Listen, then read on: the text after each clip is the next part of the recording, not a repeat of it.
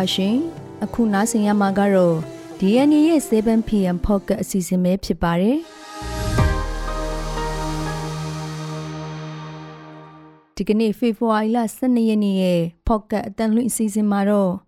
ရခိုင်မှာနိုင်ငံရေးအမှုနဲ့ဖမ်းဆီးထားတဲ့အရက်သားကိုဦးပြစ်တက်ခံလိုက်ရတဲ့အကြောင်းပကူးယူမတိုက်ပွဲမှာစစ်ကောင်စီအထိနာပြီးအရှင်ဖမ်းမိတဲ့ဒုတက်ကြဒဏ်ရာနဲ့တေဆုံးသွားတယ်ဆိုတဲ့အကြောင်း မြို့တွင်းတိုက်ပွဲတွေရှိလာပြီးတဲ့နောက်လောင်းလုံးမြို့ကန်တွေဘုံခိုချင်းတူးနေရတယ်ဆိုတဲ့အကြောင်းလေကြောင်းခီးသွားလာမှုတွေကိုစစ်ကောင်စီတင်းကျပ်လိုက်တဲ့အကြောင်းထိုင်းနဲ့စစ်ကောင်စီအလို့ရှိနေတဲ့တထေးကျွန်းပိုင်ရှင်ရဲ့ညီဖြစ်သူဖမ်းဆီးခံရပြီးတဲ့နောက်တေဆုံးသွားတယ်ဆိုတဲ့အကြောင်းစတဲ့ပြည်တွင်းသတင်းတွေနဲ့အတူဂါဇာမှာကုလသမဂ္ဂအေဂျင်စီဌာနချုပ်အောက်ဖြတ်တန်းဖောက်လုပ်ထားတဲ့ဟာမတ်စ်အုံမင်ကိုအစ္စရေးစစ်တပ်ပြတ်တက်လိုက်တဲ့အကြောင်း ဘရာဇီးရဲ့ကမ္ဘာကျော်ကာနီဗယ်ပွဲတော်စတင်ပြီးဆိုတဲ့အကြောင်းစားတဲ့နိုင်ငံတကာသတင်းတွေကိုနားဆင်ရမှာပဲဖြစ်ပါရဲ့ရှင်။ဒီအစီအစဉ်ကိုတော့ကျမစိမ့်နဲ့အတူမတ်နန်းခန့်ကတင်ဆက်ပေးပါမယ်။အခုပြည်တွင်းသတင်းတွေကိုတင်ဆက်ပေးပါမယ်ရှင်။ပထမအဆုံးပြောပြချင်တဲ့အကြောင်းကတော့ရခိုင်မှာနိုင်ငံရေးအမှုနဲ့ဖမ်းဆီးထားတဲ့အယက်သား၉ဦးပြစ်တက်ခံရတယ်ဆိုတဲ့အကြောင်းပါ။ မြောက်ဦးနဲ့မင်းပြားမြို့နယ်တို့မှာစစ်ကောင်စီကနိုင်ငံရေးပုံမှန်တက်ပြီးဖမ်းဆီးထားတဲ့အယက်သား၉ဦးကိုချုပ်နှောင်ထားချိန်အတွင်းတနက်နဲ့မတိမချင်းပြစ်တက်ခဲ့တယ်လို့ရခိုင်တပ်တော် AA က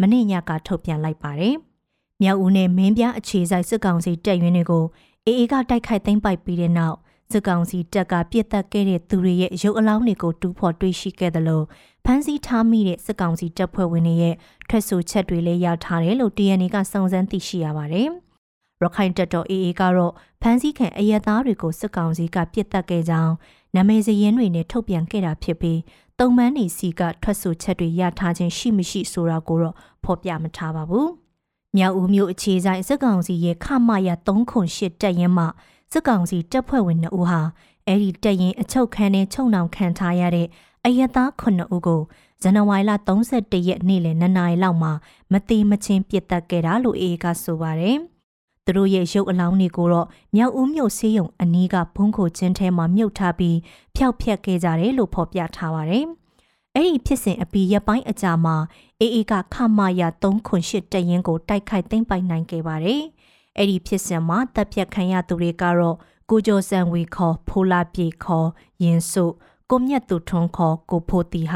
စီဆက်ပိုင်ရှင်ကိုကျော်သိန်းလိုင်ကိုကျော်ဝင်းလိုင်ကိုကိုညွန့်ကိုဝင်းနိုင်နဲ့ကိုပြည့်စုံဝင်းတို့ဖြစ်ပါတယ်။အဲ့ဒီအထဲကကိုမြတ်သူထွန်းခေါ်ကိုဖိုးတီဟာဟာ DVB အပအဝင်သတင်းဌာနတွေမှာသတင်းထောက်အဖြစ်လုပ်ကင်ဖို့သူတူဖြစ်ပါတယ်။ ကိုကျော်စံဝေခေါ်ကိုရင်ဆိုကတော့လုံမကွန်ရက်မှာလူသိများသူတဦးဖြစ်ပြီးသူတီဆိုထားတဲ့အိဇိုးတက်ဆိုတဲ့ hip hop တခြင်းကလည်းရခိုင်လူငယ်တွေကြားထင်ရှားပါတယ်။ဒါအပြင်မင်းပြအခြေစိုက်စစ်ကောင်စီတက်ခမရ3ခုကိုတက်ရင်မှလည်းပုံမှန်အမျိုးမျိုးတက်ဖမ်းဆီးခံထားရတဲ့ရတိတောင်မြို့နယ်ကကိုညီညီအောင်ခေါ်အောင်စောဝင်းနဲ့မင်းပြမြို့နယ်ကကိုကျော်ညွန့်တို့နှစ်ဦးတို့လည်းစကောင်စီကဇန်နဝါရီလ19ရက်ညနေပိုင်းမှာအချုပ်ခန်းထဲမသိမချင်းတနက်နဲ့ပြစ်တက်ခဲ့တယ်လို့အေးကဆိုပါတယ်။ဒီလိုတက်ဖြတ်ခံခဲ့ရတဲ့သူတွေဟာအာဏာသိမ်းပြီးတဲ့နောက်စက်ကောင်စီကစက်တိုက်အုံပြုနေတဲ့နိုင်ငံရေးပုံမှန်905ကကြီးခခွေးတို့နဲ့ဖမ်းဆီးခံထားတဲ့သူတွေဖြစ်ပြီးတော့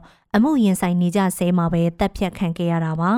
ဒုတိယသတင်းတပုတ်အနေနဲ့ပကူးယူမတိုက်ပွဲမှာစစ်ကောင်စီအထိနာပြီး အရှင်ဖမ်းမိတဲ့ဒုတက်ချက်တန်ရာနဲ့တည်ဆုံးတယ်ဆိုတဲ့အကြောင်းကိုပြပြပေးပါမယ်။ပဲခူးတိုင်းတာယာဝတီခရိုင်အုပ်ဖို့မြို့နယ်အပိုင်းပဲခူးရုံမှအတွင်းမှာရှိတဲ့စစ်ကောင်စီအထိုင်စခန်းနှစ်ခုကိုပြည်သူ့ကာကွယ်ရေးတပ်တွေကမနေ့ကတွားရောက်တိုက်ခိုက်ရမှာစစ်ကောင်စီဘက်က12ဦးတည်ဆုံးပြီးဒုတက်ချက်တအုပ်ကိုအရှင်ဖမ်းမိပေမဲ့တိုက်ပွဲအတွင်းရခဲ့တဲ့ဒဏ်ရာတွေနဲ့တည်ဆုံးသွားတယ်လို့တာယာဝတီခရိုင် PDF တရင်383ညနှစ်ကပြောပါတယ်။ စစ်ကောင်စီချင်းမြန်တရင်ခလာရတဲ့နဲ့ပရောင်းမြို့နယ်အခြေဆိုင်စင်တဲကာကွယ်ရေးပစ္စည်းစက်ယုံကပ္ပစ3ကအင်အား90လောက်အထိုင်ချထားတဲ့ပကိုးရိုးမှအတွင်မင်းလာစေပေါ်မှာရှိတဲ့တာဝါတိုင်းစခန်းနဲ့ရှင်းလေးဆောင်စခန်းတို့ကိုမနေ့ကမနက်9နာရီမှာ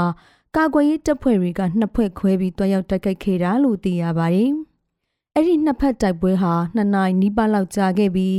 အရှင်ဖမ်းမိခဲ့တဲ့ဒုတက်ချက်ဆိုသူရဲ့ပြစ်ခတ်မှုကြောင့် တော်လိုင်းတပ်တွေဘက်ကတအူးကြဆုံးသွားတယ်လို့တာယာဝတီ KIPDF တရင်383ညနှစ်တည်င်းနဲ့ပြန်ကြားရေးတာဝန်ခံကဆိုပါတယ်။တာယာဝတီ KIPDF တရင်383ညနှစ်ကထုတ်ပြန်ထားတဲ့တပ်ပုံမှတ်တမ်းတွေထဲမှာတော့အရှင်ဖမ်းမိခဲ့တဲ့ဒုတက်ချက်ဆိုသူဟာဒဏ်ရာတချို့ရထားပေမဲ့လက်နောက်ပြန်ကျိုးတုတ်ခံထားရရင်မြေပြင်ပေါ်မှာထိုင်နေနိုင်သေးတာကိုတွေ့ရပါတယ်။တော်လန်ရေးတပ်တွေဘက်ကကြာဆုံးခဲ့သူကတော့အေယာစစ်ကြောင်းကအသက်20အရွယ် ရဲဘော်တောင်တန်းဆိုသူဖြစ်ပြီး2023ခုနှစ်ကမှရောက်လာခဲ့သူဖြစ်ပေမဲ့အားကိုးရသူဖြစ်တယ်လို့အေယာစစ်ကြောင်းပြန်ကြားရေးတာဝန်ခံကပြောပါတယ်။စစ်ကောင်စီဘက်ကအလောင်းတွေအထက်အမျိုးသမီးတဦးလည်းပါတယ်လို့သိရပြီးစစ်ကောင်စီတပ်သားတေဆုံးမှုတွေကိုတော့ DNA အနေနဲ့တီးခြားအတည်ပြုနိုင်တာမရှိသေးပါဘူး။အဲ့ဒီတိုက်ခိုက်မှုကိုတာယာဝတီခရိုင်တရင်383ညနှစ်တက်ခွဲငါနဲ့ပြည်ခရိုင်တရင်363ညတဲ့ အေယာစစ်ကြောင်းတို့ကပူးပေါင်းတိုက်ခိုက်ခဲ့တာပါ။အဲ့ဒီတိုက်ပွဲအတွင်းစစ်ကောင်စီဘက်ကအကြအဆုံးများတာကြောင့်စခန်းဆွန့်ခွာထွက်ပြေးသွားပြီးစခန်းကိုသိမ်းပိုက်နိုင်ခဲ့ကမိရှုဖျက်ဆီးနိုင်ခဲ့တယ်လို့သိရပါတယ်။မြို့ရင်းတိုက်ပွဲတွေရှိလာပြီးတဲ့နောက်လောင်းလုံးမြို့ခန်းနေဘုံခိုကျင်းတူးနေကြရတယ်ဆိုတဲ့အကြောင်းကိုပြောပြပေးပါမယ်။တနင်္သာရီတိုင်းလောင်းလုံးမြို့မှာမြို့ပေါ်အထိတိုက်ပွဲတွေရှိလာပြီးတဲ့နောက်မြို့ခန်းနေအနေနဲ့ဘုံခိုကျင်းတွေတူးထားကြပြီလို့သိရပါဗျ။ ပြီးခဲ့တဲ့ဇန်နဝါရီလ30ရက်မနက်ပိုင်းကစစ်ကောင်စီတပ်ဖွဲ့ဝင်တွေတက်ဆွဲထားတဲ့လောင်းလုံးမြို့ပေါ်က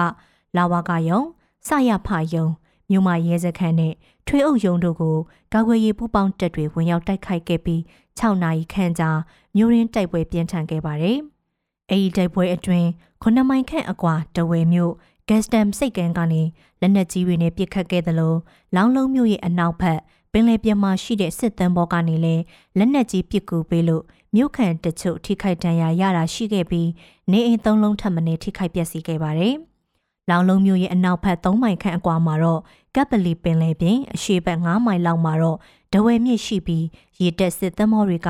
အဲ့ဒီနေရာတွေမှာသွာလာတာကြောက်ချရက်နာထားတာတွေလုပ်လို့ရှိပါတယ်။လောင်လုံးမှာမြို့ရင်းတိုက်ပွဲဖြစ်ပြီးတဲ့နောက်မှာတော့ဌာနဆိုင်ရာရုံးတချို့ကစားရွက်စာတန်းတွေကိုဒဝဲမြို့ပေါ်ပြောင်းရွှေ့သေးဆောင်တာတွေလုပ်နေတယ်လို့သိရပါတယ်။ လောင်လုံးဒေသကာကွယ်ရေးတပ်ဖွဲ့ဝင်တွေကတော့မြို့ရင်းတိုက်ပွဲတွေထပ်ရှိလာနိုင်လို့ပြည်သူတွေအနေနဲ့အခုလိုဘုံကိုချင်းတူတာရိတ်ခါကျူစုထားတာတွေကျုံလုတ်ထားကြဖို့တတိပေးပါတယ်။အာနာသိမ့်ပြီးတဲ့နောက်နိုင်ငံတော်ဝန်စစ်မှတ်ဧရိယာတွေပုံမကျပြန့်လာပြီးစစ်ကောင်စီရဲ့လက်နက်ကြီးနဲ့လေကြောင်းပစ်ခတ်တိုက်ခိုက်မှုတွေကြောင့်အရက်သားတွေသေဆုံးထိခိုက်တာအရက်ဖက်အဆောက်အုံထိခိုက်ပျက်စီးတာတွေအများအပြားရှိနေပါတယ်။ တိုက်ပွဲပြင်းထန်ရာဒေသတချို့မှာအရက်သားတွေကအခုလိုဘုံခိုခြင်းတူးတာအပါအဝင် BND ရဲ့ရှော့ချနိုင်ရေးအတွက်အစီအမံဒီကြိုတင်လှုပ်လာကြတာရှိပေမဲ့အဲ့ဒီလိုပြင်ဆင်သူတွေကိုစစ်ကောင်စီကဖမ်းဆီးတာမျိုးတွေလည်းရှိနေပါတယ်။လက်ရှိပြည်နယ်တစ်ခုလုံးနှိပါတိုက်ပွဲတွေပြင်းထန်နေတဲ့ရခိုင်ပြည်နယ်မှာတော့စစ်ကောင်စီစိုးမိုးထိန်းချုပ်ရာဒေသတွေမှာဘုံခိုခြင်းကြိုတူးသူတွေဖမ်းဆီးအရေးယူခံရတာမျိုးတွေရှိနေပါတယ်။ နောက်ထပ်သတင်းတပုတ်အနေနဲ့လေကြောင်းခီးသွွာလာမှုတွေကိုစစ်ကောင်စီကတင်းကျပ်လိုက်တဲ့အကြောင်းကို ပြပြပေးပါမယ်။နိုင်ငံတော်ဝန်တိုက်ပွဲတွေမှာအရေးမလားဖြစ်နေတဲ့နောက်စစ်မှုထမ်းဥပဒေကိုပါအသက်သွင်းထားတဲ့စစ်ကောင်စီဟာပြည်တွင်းလေကြောင်းခီးသွွာလာမှုတွေကိုလည်းတင်းကျပ်မှုတွေလုပ်လာပါတယ်။လက်ရှိမှာတိုက်ပွဲတွေပြင်းထန်နေတဲ့ရခိုင်ပြည်နယ်ကြောက်ဖြူမြို့ကနေရန်ကုန်မြို့ကိုလာမဲ့လေကြောင်းခီးစဉ်တွေမှာကျမ်းမာရေးမကောင်းသူကျောင်းတက်မဲ့ကျောင်းသားကျောင်းသူ ခွင့်ပြုချက်ရတဲ့ဌာနဆိုင်ရာဝန်ထမ်းတွေကိုသာလိုက်ပါခွင့်ပေးတော့မယ်လို့ဌာနတွင်ညွှန်ကြားချက်တွေထုတ်ပြန်လိုက်ပါတယ်။ဒါအပြင်ကြောက်ဖြူရန်ကုန်လေကြောင်းခီးစဉ်တွာလာလူသူတွေဟာစစ်ကောင်စီလက်အောက်ခံခရိုင်ထွေအုပ်ရဲ့ခွင့်ပြုချက်ရယူရမှာဖြစ်ပြီးခွင့်ပြုချက်မရရင်ခီးစဉ်လိုက်ပါခွင့်မပေးတော့ဘူးလို့လည်းဆိုပါတယ်။အလားတူတခြားဒေသတွေမှာလည်းရက်ကျေးအုပ်ချုပ်ရေးမှုတွေရဲ့ ထောက်ခံချက်ပါမှသာလင်းလက်မှတ်ရောင်းချပေးဖို့ခီးသွားမဲ့သူအနေနဲ့လီစိတ်ကိုလာတဲ့အခါ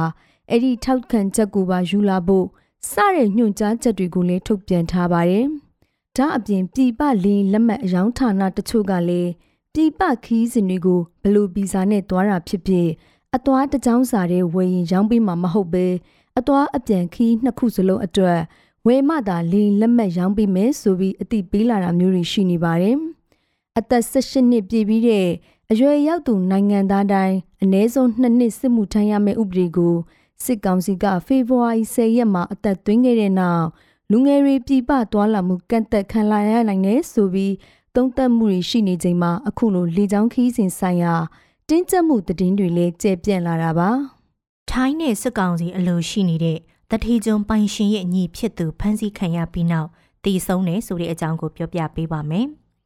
ထိုင်းအစိုးရနဲ့စစ်ကောင်စီတို့ကဖမ်းမရန်ထုတ်ထားတဲ့တထေကျွန်းပိုင်ရှင်ဦးကျော်လွင်ရဲ့ညီဖြစ်သူဦးနောင်ပိန်ခေါ်ဦးထေဝင်းကိုစစ်ကောင်စီကဖမ်းဆီးသွားပြီးတဲ့နောက်တပတ်လောက်အကြာမှာတိတ်ဆုံးသွားပြီးဆိုပြီးမိသားစုကိုအလောင်းပြန်ပေးခဲ့တယ်လို့နှီးဆက်သူတွေကိုကိုကပ်ပြီး BBC မြန်မာပိုင်းကဒီကနေ့မှဖော်ပြပါဗျ။တိတ်ဆုံးသွားတဲ့ဦးထေဝင်းဟာအသက်60ဝန်းကျင်အရွယ်ရှိပြီးအခုလ၄ရက်မှာသူ့ရဲ့နေအိမ်ကနေဖမ်းဆီးခေါ်ဆောင်ခြင်းခံရတာလို့သိရပါတယ်။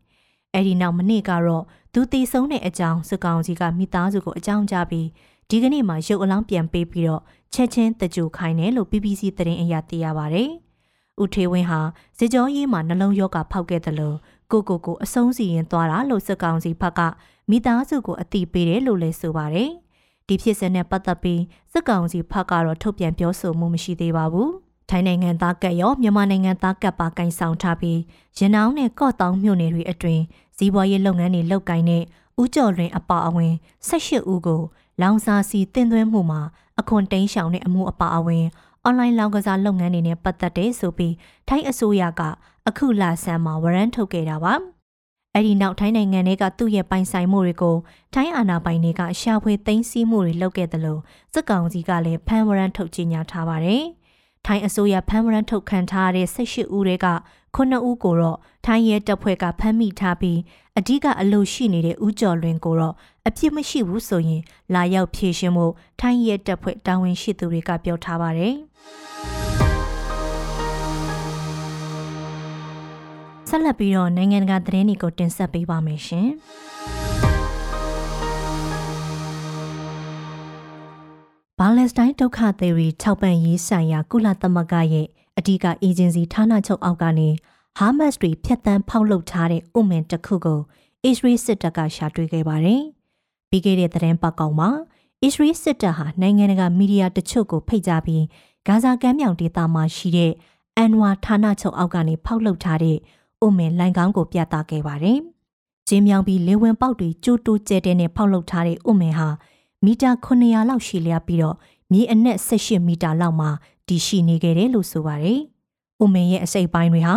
အန်ဝါယုံချုပ်အောက်ကနေဖြတ်တန်းသွားခဲ့တယ်လို့ယုံချုပ်အဆောက်အုံထဲမှာဟာမတ်စ်တွေရဲ့လက်နက်တွေနဲ့ဇာရွက်စာတမ်းတွေကိုသိမ်းယူရရှိခဲ့တာကြောင့်ဘာလက်စတိုင်းပျောက်ကြားအဖွဲ့ဟာကုလသမဂ္ဂရဲ့အေဂျင်စီကိုအမျက်ထုတ်အသုံးချခဲ့တာပေါ်လွင်လာကြောင်းအစ္စရေးကဆွဆွဲပါတယ်။အန်ဝါကတော့ဂါဇာမှာစစ်ပွဲတွေစတင်လာပြီး၃ရက်အကြာကတည်းက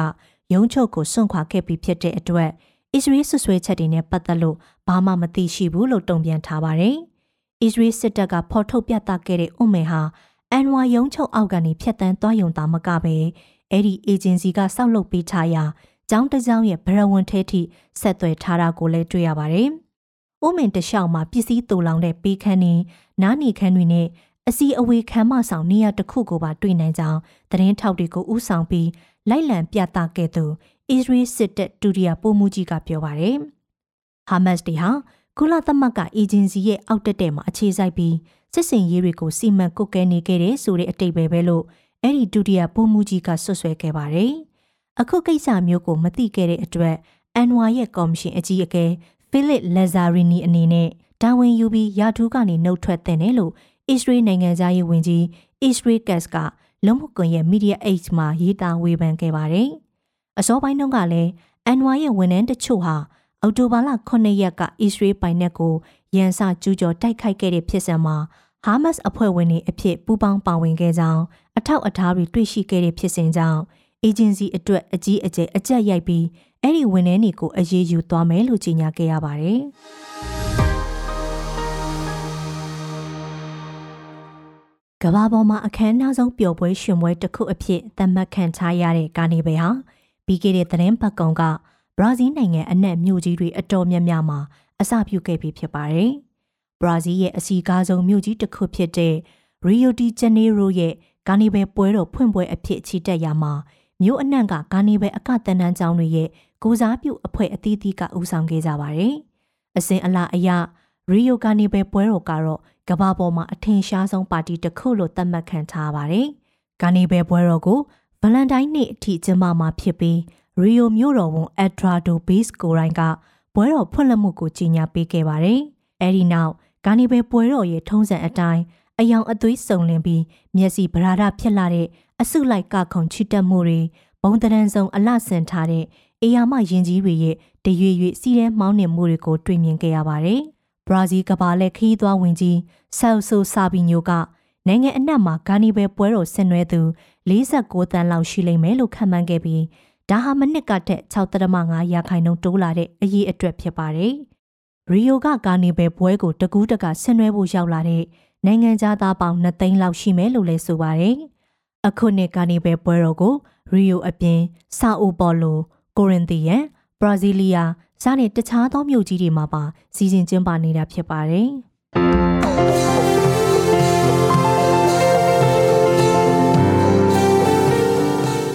DNA ရဲ့ 7pm pocket အစီအစဉ်ကိုအပတ်စဉ်တနင်္လာနေ့မှတောက်ကြနေ့အထိည9:00နာရီတိုင်းမှာတင်ဆက်ပေးသွားမှာဖြစ်ပါတယ်။ဒီအစီအစဉ်ကို Anchor, Spotify တို့မှာနားဆင်နိုင်တယ်လို့ DNA ရဲ့ YouTube Channel မှာလည်းဝင်ရောက်နားဆင်နိုင်ပါတယ်။